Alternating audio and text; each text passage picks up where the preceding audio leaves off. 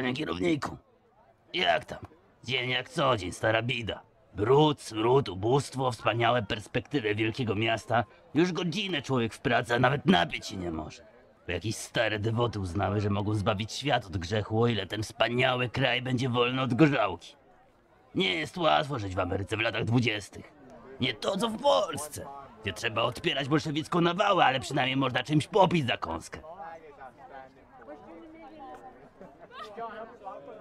Na szczęście u starego dobrego Ala można sobie chlapnąć co nieco. Irlandczycy oraz Żydzi również starają się coś uszknąć z tego interesu. Nawet czarne wilki turlają beczułki z procentami. Zakaz zawsze jest okazją do dobrego zarobku. Szczególnie gdy policja za dobrą opłatą potrafi odwrócić wzrok. Trzeba tylko być dobrym graczem i wiedzieć jak zarobić, aby się nie narobić. Wtedy można wygrać wszystko. Dziś planszówkowy PKS przedstawi Wam taki zakup, który naprawdę zalicza się do ciężkiego kalibru. Chociaż nie tyle pod względem zasad, lecz raczej gabarytów, ciężaru pudełka oraz stołożerności. Przed Państwem Scarface 1920, gdzie będziemy zajmować się ciemnymi interesami i sprawkami, aby nasz gang zyskał jak najwięcej w czasach prohibicji, kiedy ludziom żyło się ciężko, ale można było całkiem sporo zarobić. Będziemy mogli wcielić się we włoskich mafiozów ze słynnym Alem Caponem na czele, Irlandczyków zaczynających od ulicznych rozrób, Żydów skoncentrowanych na robieniu nielegalnych interesów, a także czarnoskórych gangsterów nie cofających się przed niczym, o ile przyniesie to odpowiednie profity. A to wszystko w oparach nielegalnego alkoholu oraz takich mechanik jak deck building, zarządzanie ręką, kontrolowanie obszarów, worker placement, różnorodne zdolności naszych frakcji oraz bonusów na koniec gry. Ostatecznie liczy się tylko kasa, czyli punkty zwycięstwa. Ale nie będzie łatwo, ponieważ na ręce będzie nam patrzył słynny Elliot Ness, a gra niejednokrotnie pokaże nam, że potrafi dowalić i zaszkodzić porówno wszystkim graczom.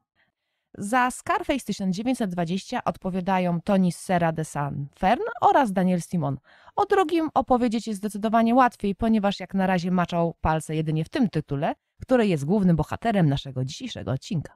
Natomiast Tony o bardzo trudnym i skomplikowanym nazwisku ma na swoim koncie kilka gier, które na pierwszy rzut oka nie wyróżniają się niczym szczególnym. O, tam jakieś proste tytuły, słabo oceniane małe gierki. Jest nawet kooperacyjna gra wojenna Victus Barcelona 1714 i co trzeba wspomnieć, z jego dorobku jest ona najlepiej oceniana. Tak czy siak, nie jest to pierwszoligowy autor, o którym mówi się, że każdą jego nową grę trzeba koniecznie sprawdzić. Ponadto Scarface 1920 został wydany na wspieraczce, a wszyscy dobrze wiedzą, jak to z tymi wspieraczkami jest. Każda gra wygląda tam tak, że kurde, muszę ją mieć, koniecznie biorę all in, bo później nigdzie tego nie kupię. Poza tym, jak ładnie wydali, ile tu figurek. A potem człowiek po kilku latach dostaje to, co zamówił i cała para znika. Często jak gra jest przynajmniej przeciętna, to człowiek ma szczęście. Niemniej rzadko uczymy się na błędach, więc bierzemy te adony i potem staramy się to wszystko sprzedać na jakimś bazarze. Musimy być jednak dla siebie sprawiedliwi i powiedzieć szczerze, że istniały inne powody, przez które tytuł ten zagościł w naszej kolekcji. Przede wszystkim klimat, setting, czy jakkolwiek to nazwiemy. Gangsterzy, Ameryka lat dwudziestych, czasy prohibicji od razu przypominają się najlepsze książki i filmy. Po drugie, sama rozgrywka wydała nam się na tyle inna i interesująca, że przykuła naszą uwagę. Przede wszystkim dlatego, że nie wyglądało to na kolejną wariację na temat area control oraz naparzania się z innymi graczami. Po zasadach odczuwałam taki vibe znany trochę z gier kooperacyjnych, wymagający od graczy ostrożności w wykonywaniu ruchów, ponieważ inaczej gra może się w przykry sposób odegrać. A zatem w Scarface 1920 trzeba będzie uważać nie tylko na innych graczy, lecz także wystrzegać się nadmiernego korzystania z niebezpiecznych mechanik. Czy się to udało? Najpierw zerknijmy do zasad, a potem opowiem Wam, co też z nich wynika. Wybieramy gang, organizujemy naszą planszetkę, dostajemy na rękę pierwsze prace do wykonania oraz dystrybutorów nielegalnego alkoholu, a także przejmujemy kontrolę nad pierwszym sąsiedztwem. Elliot Ness jest już gotowy do pościgu, a gazeciarz nieubłaganie odlicza czas do końca gry. Należy już tylko przetestować karty i dobrać trzy, aby utworzyć naszą startową rękę. Scarface 1920 jest przede wszystkim połączeniem zarządzania ręką oraz worker placementu, z czego staramy się wycisnąć jak najwięcej. Reszta mechanik po prostu wspomaga ten podstawowy szkielet, a my grając usiłujemy robić coraz więcej, więcej i więcej, aby zarobić jak najlepiej. Zanim przejdę do tego, co właściwie możemy tutaj zrobić, muszę opowiedzieć trochę o kartach oraz o pewnych podstawowych konceptach mechanicznych. Na kartach znajdziemy symbole, które określają ich siłę w poszczególnych kategoriach mięśni oraz wpływu. Wskazują one na wartość danej akcji wykonywanej przy pomocy jednej z nich. Innymi słowy, im więcej wpływu na naszych kartach, tym lepiej na przykład poradzimy sobie z przekupywaniem władz. Ponadto na kartach znajdziemy również specjalne umiejętności postaci, które możemy odpalać przed lub po wykonaniu akcji głównej. Co więcej, w późniejszym etapie gry będziemy mogli tak zestawiać symbole typów przestępstw, aby odpalać dodatkowe zdolności członków naszego gangu. Ale uważajcie, jeżeli zaplanujecie zbyt dużo ciemnych interesów, to może odbić się Wam to czkawką. Gdy dołożycie więcej niż dwie karty do Waszego planu, to przesuniecie się przynajmniej o jedno pole na torze przestępczości. Na końcu czeka na Was rajd i jego konsekwencje, zależne od tego, gdzie będziecie znajdować się na tym traku, gdy do niego dojdzie. Ale o tym później. W swojej turze wykonacie wyłącznie jeden rozkaz oraz wykorzystacie dostępne Wam zdolności kart. Dodatkowo będziecie mogli wykonać dowolną liczbę prac. Na samym początku startujecie z trzema. Rozkazów do wyboru jest mnóstwo, a to, że jesteście ograniczeni wyłącznie do jednego natury sprawia, że Scarface 1920 ma nie tylko krótką kołderkę, lecz także wymusza na Was nieustanne kombinowanie oraz manipulowanie, żeby każda Wasza tura była niezwykle obfita. Rozkazy dzielą się na takie, które można wykonać w półświadku, u władz oraz inne, nie wymagające postawienia pionka do jednej z wymienionych przeze mnie przed chwilą lokacji. Teraz opiszę pokrótce rozkazy, czyli mówiąc zwykłym językiem, akcje dostępne w półświadku. Niemniej pamiętajcie, że balansowanie na granicy prawa zawsze jest niebezpieczne. Kiedy wysyłamy tam pionka, to od razu przesuwamy się na torze przestępczości. Jeśli mamy tylko jednego, to przesuwamy się tylko o jeden. Ale kiedy w kolejnej turze będziemy chcieli dostawić następnego, to przesuniemy się aż o dwa pola, a potem o trzy, o cztery. Tak, może to wywołać rajd wraz ze srogimi konsekwencjami. Dobra, dobra, ale jednak co możemy w ogóle tutaj zrobić? Przede wszystkim możemy zatrudniać kolejnych członków naszego gangu, czyli dodać kolejne karty do naszego deka. O ich koszcie decydują gwiazdki na dole. Należy mieć w planie tyle symbolów wpływów, ile znajduje się gwiazdek na karcie. Co więcej, możemy dołożyć tak zakupioną kartę na discard albo dodać ją do ręki, płacąc koszt w piwie. W świecie przestępczym ważny jest dostęp do dóbr, które potem będziemy usiłowali nie do końca legalnie sprzedać. Dociągamy tyle kart dealerów, ile znaczników wpływów wyłożyliśmy w naszym planie, a następnie zatrzymujemy jedną. Karty dealerów możemy albo po prostu położyć obok naszej planszetki, albo podłożyć pod wcześniej zdobytą kartę tego typu.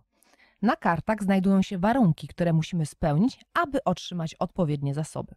Oczywiście, jak nasza sieć dystrybucji składa się z kilku kart, to musimy spełnić wszystkie warunki, czyli posiadać pełny zestaw symboli w swoim planie. Ponadto służą nam one za magazyny, naturalnie tylko te, które znajdują się na wierzchu. Możemy trzymać w nich po jednym surowcu dowolnego rodzaju. Co więcej, tak zmagazynowanych zasobów nikt nam nie podwędzi, w przeciwieństwie do tych, które będziemy przechowywać na planszy. Przyda Wam się też jakaś dodatkowa robótka na boku. Za symbole wpływu dociągacie odpowiednią liczbę kart pracy i zatrzymujecie jedną. Na karcie znajdują się odpowiednie wymogi, które musicie spełnić, aby ją wykonać. Możecie zrobić to w dowolnym momencie swojej tury, przed lub po wykonaniu rozkazu, a niekiedy i w trakcie tur innych graczy. Kolejną akcją jest sprzedaż zasobów w kontrolowanym przez nas sąsiedztwie. Należy wydać odpowiednią liczbę zasobów, aby otrzymać stosowną ilość gotówki. Jeśli w danym dystrykcie znajduje się nasza ciężarówka, to super, zapłacimy o jeden surowiec mniej. Ale uważajcie, gdy znajduje się tam wóz policyjny, to musimy przekupić stróżów prawa, żeby nasz nielegalny biznes doprowadzić do szczęśliwego zakończenia. Na szczęście nie liczą sobie zbyt wiele, tylko 2 dolary za jedną sprzedaż. Zawsze, gdy będziecie chcieli wykonać jakąkolwiek akcję w dystrykcie, gdzie znajduje się policja, to trzeba wręczyć jej łapówkę. Cóż, tak działa prawo. A. Możecie dokonać tylu sprzedaży w trakcie wykonywania tej akcji, ile symboli wpływów znajduje się w waszym planie. I jeszcze jeden rozkaz, który możemy wykonać w półświadku, to akcja rekrutacji. Ile mamy symboli wpływów w naszym planie, tyle figurek możemy przesunąć. Jest to ważne, bowiem tylko figurki z naszej kwatery głównej mogą zostać wystawione na planszę lub na jakieś inne pola. Innym polem, poza półświadkiem, na którym możemy wysyłać figurki naszych gangsterów, jest pole władzy. Możemy tam dogadywać się z politykami, aby nasz przestępczy biznes kwit. Za symbole wpływu w naszym planie możemy sprzedawać zasoby za 6 kasy lub przesuwać się w dół na torze przestępczości. Jeśli mamy przynajmniej dwa symbole wpływu w planie, to możemy odzyskać wszystkie nasze figurki z więzienia. Ale za symbole wpływu władza może również pozwolić nam otworzyć kolejny biznes w naszym sąsiedztwie. Dokładamy wtedy wybrany przez nas znacznik. Dowolnego rodzaju, choć nie może być ich więcej niż trzy. Dzięki nim będziemy zdobywać dodatkowe pieniądze w fazie porządkowania. Jednak najważniejszą akcją, którą możemy tu wykonać, jest zwrócenie przeciwnikowi znacznika kontroli z jego sąsiedztwa. Jest to niezwykle wredna akcja, ale też ciężka do wykonania, gdyż wymaga aż pięciu symboli wpływów. Niełatwo je zebrać, no chyba, że jesteście Alem Caponem, lecz już nic więcej w tym względzie zdradzać nie będę. Innymi rozkazami, które nie wymagają od nas postawienia pionka na jakimś polu, są na przykład wysyłanie lub przesunięcie naszych pionków do dystryktów. Im więcej symboli siły mięśni w planie, tym większą liczbę figurek możemy operować. Jednak możecie również przejmować kontrolę nad sąsiedztwami przeciwników. W tym celu będziecie porównywać swoją siłę, do której wliczają się wasze figurki i samochód w dystrykcie, z obroną rywala, czyli jego figurkami, znacznikiem kontroli, poziomem obrony samego sąsiedztwa, a także policją, która nie może już przymykać oczu na takie akcje. Ponadto możecie też wysyłać figurki do swoich dealerów, aby zdobyć odpowiednie zasoby. I ostatni rozkaz, czyli upgrade'owanie planszetki waszego gangu. Po opłaceniu odpowiedniego kosztu za zdolność, którą chcecie rozwinąć, bierzecie pierwszej z lewej kosteczkę i przekładacie ją na odpowiednie miejsce. Potem przesuwacie figurkę swojego bossa. Tutaj możecie zwiększyć limit kart na ręce albo dostawy od dystrybutorów, zdobyć kolejne samochody i tak. Jednak najfajniejszą opcją pozostaje przekształcenie jednego z waszych biznesów w klub nocny. Wtedy przekręcacie wybrany kafelek, dokładacie specjalny znacznik biznesu, który nie wlicza się do limitu i możecie zarabiać więcej. Ponadto, przesuwając swoją figurkę bossa, będziecie zdobywać bonusy. Na koniec głównie kasę, ale wcześniej dostaniecie możliwość dołożenia do swojego deku karty waszej prawej ręki. Są to niezwykle silne karty, pozwalające na przykład wykonać dwa rozkazy główne w jednej turze, a w Scarface 1920 naprawdę wam się to przyda. Gdy nie możecie dociągnąć więcej kart z deka, a na waszej ręce nie ma już kart, musicie poświęcić swoją turę na reorganizację. Na początku sprzedajecie we wszystkich swoich sąsiedztwach, o ile ktoś wcześniej nie podwędził wam zasobów. Potem otrzymujecie trzy kasy za każdy znacznik biznesu, który znajduje się na waszych sąsiedztwach. Później wracają wam figurki umieszczone na dealerach bądź wysłane do władz. Lądują one w waszych kwaterach, ale, ale, te w półświadku zostają na swoich miejscach. Jeśli jakieś figurki wylądowały wam w więzieniu, to możecie odzyskać część z nich, w zależności jaki jest poziom waszych prawników. Później przeprowadzacie rekrutację, też zgodnie z jej poziomem. I oczywiście tasujecie karty, dociągacie tyle, ile wynosi wasz limit ręki. Niemniej, na koniec musicie przesunąć jeszcze znacznik gazeciarza, aby zaznaczyć upływ czasu w grze. Gdy gazeciarz dotrze na ostatnie pole, musimy rozpocząć fazę ekstra ekstra. Najpierw odpalamy rajd. Tak jak wspomniałam, rajd może się wydarzyć w wielu innych momentach gry, ale tutaj zdarzy się na pewno. Rajdy odzwierciedlają wysiłki władz w walce ze zorganizowaną przestępczością, a ich symbolem jest nieustępliwy Elliot Ness. Rozpatrując rajd, najpierw wsadzamy wszystkie figurki z półświadka do więzienia. Następnie ujawniamy pierwszą kartę stali rajdu, rozpatrujemy jej efekt, a potem obniżamy nasze znaczniki zgodnie z tym, co mówi nam karta. Ale figurka Eliota Nessa będzie przesuwać się w górę po każdej fazie ekstra ekstra. Więc w pewnym momencie nie damy już rady cofnąć się do zielonego obszaru, a tam konsekwencje rajdów są zdecydowanie najlżejsze. Wróćmy jednak do samego ekstra ekstra. Po rozpatrzeniu rajdu i przed przesunięciem figurki Eliota musimy jeszcze odświeżyć market card, odrzucając dwie z nich i odsłonić nową kartę newsu, która wprowadza do gry jakiś dodatkowy efekt. Gdy odsłonimy kartę informującą o tym, że prohibicja się kończy, to kończy się również cała nasza rozgrywka. Nasza zgromadzona kasa to punkty zwycięstwa. Ponadto zdobywamy jeszcze trzy kasy za każdy nasz znacznik biznesu na sąsiedztwach oraz dodajemy po dwa kasy za każdą gwiazdkę na zakupionych przez nas kartach. I tak najbogatszy zgarnia wszystko, czyli zwycięstwo. Scarface 1920 najbardziej podobało mi się to, w jaki sposób twórcy z tych dość prostych zasad wyciągnęli maksimum kombinowania. Gra jest niezwykle ciasna i wcale nie jest łatwo osiągnąć to, co sobie zaplanowaliśmy. Podczas swojej tury możemy wykonać tylko jeden główny rozkaz, a do wyboru mamy ich naprawdę mnóstwo. Można powiedzieć, że podczas pierwszej partii wykorzystamy tak z 15% mechanik oferowanych przez ten tytuł. W drugiej rozgrywce może z 25-30%, jednak z partii na partię będziemy grać coraz lepiej, uczyć się jak przejmować więcej sąsiedztw, efektywnie sprzedawać zasoby i przy okazji szkodzić innym graczom. Sam pomysł na takie zarządzanie ręką, której mamy dość sporo opcji do wyboru, mając możliwość podejmowania większego bądź mniejszego ryzyka, w końcu im więcej kart, tym lepsze akcje, niemniej szybkie przesuwanie się na torze przestępczości wcale nie jest zbyt rozsądne. Wraz z łączeniem akcji ze zdolnościami naszych kart i pracami do wykonania jest naprawdę świetne. Daje wiele okazji do dobrego rozgrzania naszych szarych komórek, a często przekłada się też na satysfakcję i zadowolenie z wykonania naprawdę zacnego ruchu. Musicie jednak wiedzieć, że Scarface 1920 jest grą specyficzną. Klimat gangsterski, ciemne interesy, bronie piętrzące się w skrzynkach mogą sprawić, że na pierwszy rzut oka uznacie ten tytuł za kolejną wariację na temat Area Control czy Duty on the Map, gdzie znaczniki kontroli będą co róż zmieniać swoich właścicieli, a trup będzie ścielił się gęsto. Owszem, jest tutaj sporo negatywnej interakcji, można zgarnąć interes przeciwnika jednym ruchem, ale zdecydowanie więcej tutaj budowania silniczka, który stopniowo będzie się rozkręcał, a potem inni będą musieli zmierzyć się z tym walcem, który rozpędziliśmy. Jednak w Scarface 1920 występuje bardzo charakterystyczny vibe znany z gier kooperacyjnych, kiedy musimy mierzyć się z wyzwaniami, które stawia przed nami gra. Tutaj nasze plany najbardziej niweczą rajdy, potrafiące pozbawić nas zasobów, pieniędzy, ludzi, figurek i godności. Co z tego, że wykonaliśmy kilka świetnych akcji, skoro zaraz odpalimy ze trzy najazdy policji na nasze meliny i stracimy więcej niż zyskaliśmy. A bardziej ostrożni gracze odczują zdecydowanie mniejsze konsekwencje swoich czynów. Choć gra uderza we wszystkich, to w zależności od osiągniętego na traku przestępczości poziomu spotka nas mniejsza bądź większa kara. Nie każdemu spodoba się taka mechanika, bowiem jest ona dość nieprzewidywalna. Nigdy nie wiemy, jak bolesny będzie dla nas rajd i w kogo uderzy najbardziej.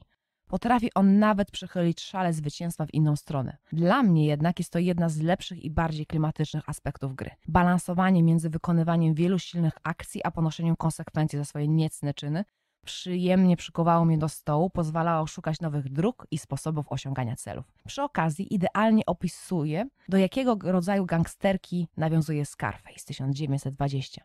Nie jest to opowieść o masakrze w Dniu Świętego Walentego, lecz o robieniu biznesu, trzepaniu wielkiej kasy i nie wkorzaniu policji zbyt jawnym drwieniem z prawa. Bo właśnie wtedy nadchodzi rajd i nielegalny alkohol ląduje w odpływie kanalizacyjnym. Losowość tych rajdów sprawia, że boimy się ich jeszcze bardziej, bo jak w latach dwudziestych mają Lovecraft, to co niewiadome jest najbardziej przerażające. Od razu w tym momencie nasuwa się pytanie, czy w takim razie gra nie jest zbyt losowa. Naturalnie nie jest to tytuł, w którym zmagamy się tylko z decyzjami podejmowanymi przez innych graczy. Czasami większe znaczenie ma strategia, a innym razem taktyka. Ktoś może zgarnąć kartę, która zabierze nam dochód z jednej sprzedaży lub zmusi do podziału zarobku. Nie wiemy, jakie zło spadnie na nas z rajdu. Jednakże dobrze wiemy, jakie konsekwencje będziemy ponosić za swoje działania. Nie jest tak, że nie wykonamy akcji przejęcia sąsiedztwa bądź wyciągnięcia naszych gangsterów z więzienia, bo w grze się coś zakręci, przekręci, wyskoczy nam nagle jakiś królik z kapelusza. Dobrze wiemy, że jak za często będziemy chodzić do półświadka, to zaraz odpalimy rajd. Nikt nie ukrywa przed nami tego, że istnieje akcja umożliwiająca usunięcie znacznika kontroli. Dlatego trzeba mieć w zanadrzu kilka planów B, które ułatwią nam jego szybkie odzyskanie. A nawet gdy nagle stracimy mnóstwo gotówki, to nie należy płakać nad rozlanym mlekiem, lecz znaleźć inny sposób na zarobienie jeszcze większej kasy. Bez problemu można się tutaj odbić od dna. Mieliśmy takie partie, w których jeden z graczy przez większość czasu nie narzekał na nadmiar gotówki, nic nie zarabiał niby, a na koniec deklasował innych graczy. Właśnie z taką losowością mamy tutaj do czynienia. Ale istnieje też jej gorsza strona, jednak aby ją poznać, to musicie dotrwać do minusów. Co jeszcze tutaj sprawiło, że moje serce gracza było szczęśliwe? Różnorodne zdolności poszczególnych gangów. Każdy z nich czerpie największe profity z innych aspektów mechaniki i przez to rzeczywiście gra się nimi całkowicie inaczej. Zdolności bossów wywracają niektóre zasady do góry nogami, przez co jest nam łatwiej kupować karty albo upgrade'ować plansze naszego gangu. No, albo kraść od innych graczy. Czy przez to niektóre z nich są lepsze bądź gorsze? To zdradzę trochę później. Ponadto można też kręcić naprawdę niezłe kombosy. Jak dobrze skonstruujemy nasz deck, będziemy zwracać uwagę na zdolności kupowanych kart, to nasi rywale będą musieli się sporo napocić, aby zatrzymać nasz rozkręcony silniczek. Jednakże najważniejsze pozostaje to, że rozgrywka jest emocjonująca, że zdarzy nam się szpetnie zakląć, że często będziemy poirytowani, bo ktoś dostolił akurat nam i już zaraz będziemy chcieli się na nim zemścić. Dla mnie jest też klimatyczna, bowiem przy wykonywaniu swoich akcji czułam ten oddech policji na karku i to, że zaraz naprawdę mogę stracić połowę kasy, a jakiś inny gracz zaraz przejmie mi sąsiedztwo. Świetnie zaprojektowano też fazę porządkowania, która nie jest po prostu zwykłym ogarnianiem tego, co się skończyło, co musimy dołożyć, a co przetasować. Wiadomo, wtedy też przesuwamy znacznik gazeciarza, przez co zbliżamy się zarówno do fazy ekstra ekstra, jak i końca gry. Inaczej mówiąc, nawet tutaj nie można wyłączyć myślenia, czyli trzeba tak zaplanować zagrywanie kolejnych kart, aby nie być zmuszonym do wykonania bieda akcji z jedną kartą, albo żeby za bardzo nie przyspieszyć bądź nie opóźnić końca gry albo odpalić ekstra akcję akurat wtedy, gdy rajd zaszkodzi graczom w najmniej odpowiednim momencie. Nie zapominajmy też o tym, że jest tutaj sudden death, a my zawsze będziemy odczuwać ten przyjemny niedosyt. Och, zabrakło mi tylko jednej tury, jeszcze tylko jedna karta i zwycięstwo byłoby moje. Nie da się zrobić wszystkiego, ale człowiek zawsze ma takie dziwne uczucie, że jeszcze trochę i prawie by mu się udało, gdyby nie ci wstrętni inni gracze. A już na marginesie, Scarface 1920 naprawdę przepięknie prezentuje się na stole. Jednak coś się nie udało? Deck building jest tutaj wyjątkowo istotnym elementem mechaniki, ale jednocześnie wcale nie jest łatwo korzystać z jego możliwości.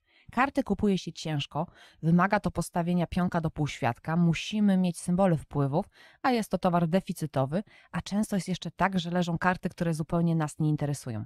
A market odświeża się głównie na koniec ekstra ekstra, czyli nie tak często, a to i tak spada tylko jedna słabsza i jedna mocniejsza karta. A właśnie odpowiednio dobrane karty sprawiają, że nasza tura jest wspaniałym przykładem gangsterskiego zagrania. Ale jak to zrobić, kiedy naprawdę można się spocić kupując upragnioną kartę? Jedynie zdolność Ala Capone, który może kupować karty za kasę, pozwala odczuć, że naprawdę gramy tutaj w jakiś deck building. Ponadto przy pierwszych partiach pozwala mu to nieźle odsadzić innych graczy. Nie tylko ze względu na mocną talię, lecz także przez zamrożoną gotówkę, której nikt mu nie zabierze, bowiem na koniec gry każda gwiazdka na zakupionej karcie daje nam dwa kasy. I tak gracz może uzbierać sobie z 50 dodatkowych baksów, a to już może zadecydować o zwycięstwie. To jest właśnie mroczna strona losowości w Scarface 1920. Innym jej objawem są karty prac czy dealerów, chociaż przy tych ostatnich to nie jest aż tak bolesne, gdyż zawsze dadzą nam jakieś zasoby. Z pracami bywa już ciężej. Od razu grajcie z draftem początkowych kart pracy, bo inaczej możecie rozpocząć grę z tak naprawdę niezłym szrotem, podczas gdy inni dobiorą sobie oczywiście wyjątkowo ciekawe robótki, dające dostęp do świetnych stałych zdolności.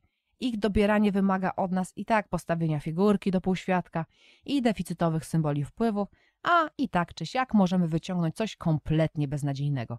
Raz dojdzie nam karta idealnie pasująca do naszej strategii, a innym razem coś byle jakiego, co nie za bardzo wiadomo, jak zastosować na danym etapie gry. Niektóre partie wyglądały u nas tak, że raz za razem wykładaliśmy kolejne zrealizowane prace, a kiedy indziej nikt przez całą grę nie zagrał ani jednej. Zdolności naszych gangów. Nie oszukujmy się, niektóre z nich są zdecydowanie łatwiejsze w prowadzeniu niż inne. Al Capone jest najsilniejszy na początku, pozwala łatwo zdobyć przewagę, kiedy ryje w tych kartach jak dzik w leśnym poszyciu. Niektóre mogą nam nie przypasować ze względu na wymuszenie pewnego stylu rozgrywki, na przykład czarne wilki wymagają od nas szybkiego rozprzestrzeniania się po planszy. Ponadto Irlandczycy wydają mi się zdecydowanie najsłabszą pod względem zdolności frakcją. Zdolność ich bossa wygląda na mocną. Szybkie zarabianie beczek wraz z możliwością upgrade'owania planszetki gracza za beczki, a nie za kasę i symbole, ale opiera się właśnie na tej mechanice, która tylko iluzorycznie daje naprawdę dobre profity. Rozwijanie naszego gangu wydaje się ciekawe, bo i statystyki bossa rosną i lepiej korzystamy z niektórych opcji, ale w rzeczywistości można w ogóle o to nie dbać, a i tak wygrać grę. Od zrobi ze 2 i 3 usprawnienia, tak oczywiste jak na przykład zwiększenie limitu kart na ręce, a potem to już nie przejmować się tymi kosteczkami. No dobra, dotrzeć jeszcze do kapelusza, co da nam kartę umożliwiającą wypełnienie dwóch rozkazów w turze. Resztę serio możecie sobie podarować. Jest to zbyt kosztowne, tracimy na to turę, a więcej zyskamy z innych mechanik. Niech nie skusi was kasa ukryta pod końcowymi kosteczkami. To, co będziecie musieli poświęcić, aby ją zdobyć, jest okupione zbyt wielkimi wydatkami. Jeżeli chodzi o skalowanie, to optymalnym składem będzie grupa trzyosobowa. Inaczej downtime może was zabić, szczególnie przy początkowych partiach. A tak wszystko sprawnie zamkniecie w przeciągu 2,5 godziny. W parze interakcja między graczami jest najmniejsza i Scarface 1920 zdecydowanie nie rozwija tutaj skrzydeł. Musicie jednak pamiętać, że poziom rozgrywki zależy tutaj w wielkim stopniu od graczy, z którymi zasiądziecie do stołu. Jeśli nie załapią podstawowych mechanik, jeśli nie dostrzegą jak należy grać, to rozgrywka wam się będzie dłużyć jak flaki z olejem, a wasi znajomi jeszcze tylko się wkurzą na to, że jakiś dziwny rajd zabiera im kasę. Może nie wybrzmiało to dostatecznie mocno, ale jest tutaj naprawdę wiele negatywnej interakcji między graczami, ale pojawia się ona tylko wtedy, gdy inni gracze ją stosują. Jak grają tak, że każdy sobie tylko rzepkę skropie, to na planszy rzeczywiście wieje nudą. Na początku dobrze im wyjaśnijcie, jakiego typu jest to gra. Wynika z tego też to, że choć Scarface 1920 nie ma zbyt trudnych zasad, to jego zmasterowanie wymaga troszkę czasu oraz chęci. Początkujący gracze mogą poczuć się przytłoczeni mnogością opcji, które niewyraźnie rysują się przed nimi już na początku gry, a do tego dochodzi jeszcze zrozumienie, jak one ze sobą współgrają. Tak, raz na jakiś czas każdego może tutaj dopaść paraliż decyzyjny. A, i jeszcze jedno. Gra jest przepięknie wydana, wszystkie ilustracje są takie ładne. No dobra, może poza planszą. Figurki zachwycają, mamy nawet samochodziki i tak dalej, ale przez to jest niezwykle stołożerna. Na, naprawdę potrzebujecie ogromnego stołu, aby to wszystko pomieścić, a przy tym Drożyzna, panie, drożyzna. Serio, mogłaby być trochę mniej przepakowana odpicowanymi elementami i tańsza. Rozgrywka nic by na tym nie straciła. Podsumujmy to wszystko, co zostało do tej pory powiedziane. Jak stwierdził mój dobry znajomy Wojtek, Scarface 1920 daje nadzieję na to, że gry z Kickstartera jeszcze mogą być dobre. A od siebie dodam, że zawiera w sobie nie tylko interesujące mechaniki, lecz także całkiem ciekawy patent na samą rozgrywkę. Nie jest to po prostu kolejna wariacja na temat dostawiania i ściągania figurek z planszy. Stosunkowo krótka kołderka zmusza nas do kombinowania, szukania różnych dróg prowadzących do zwycięstwa i ciągłego odkrywania nowych opcji oraz możliwości. Każda partia może wyglądać zupełnie inaczej. Regrywalność jest tutaj spora, nie będziemy narzekać na poziom negatywnej interakcji między graczami, a my z partii na partię coraz lepiej uczymy się wykorzystywać mechaniki, z których został utkany ten tytuł. Dodatkowo musimy tutaj uważać zarówno na graczy, jak i na samą grę, bowiem my tutaj też zmagamy się z policją oraz związanymi z tym niedogodnościami. A jak dodamy do tego, że nawet z najgorszych odmętów niezarabiania można się tutaj odbić, to być może Wasze zainteresowanie tym tytułem i jeszcze wzrośnie. Klimat jest już tylko wisienką na torcie. Jednak niektórych może odstraszyć taki typ rozgrywki, jaki proponuje nam Scarface. Nie każdy lubi tytuły, w których jesteśmy karani za zbyt zuchwałe zagrania. Innych odstręczy losowość marketu i kart pracy, a także nie do końca przemyślany deck building. Konieczność stopniowego masterowania tego tytułu nie dla wszystkich będzie zaletą. Zresztą trzeba posiadać do niego odpowiednią ekipę, która załapie, w jaki sposób należy ugryźć tkwiące w niej mechaniki. Bądź co bądź, połączenie wszystkich występujących tu zależności nie należy do łatwych zadań. Zwłaszcza gdy weźmiemy pod uwagę to, że niektóre gangi łatwiej opanować. Czy te wady są dla Was dyskredytujące? O tym musicie zdecydować już sami. Ja zostawiam Scarface 1920 swojej kolekcji, czekam na dodatek i mam nadzieję, że jeszcze wielokrotnie uda mi się odwiedzić Stany Zjednoczone w czasach prohibicji.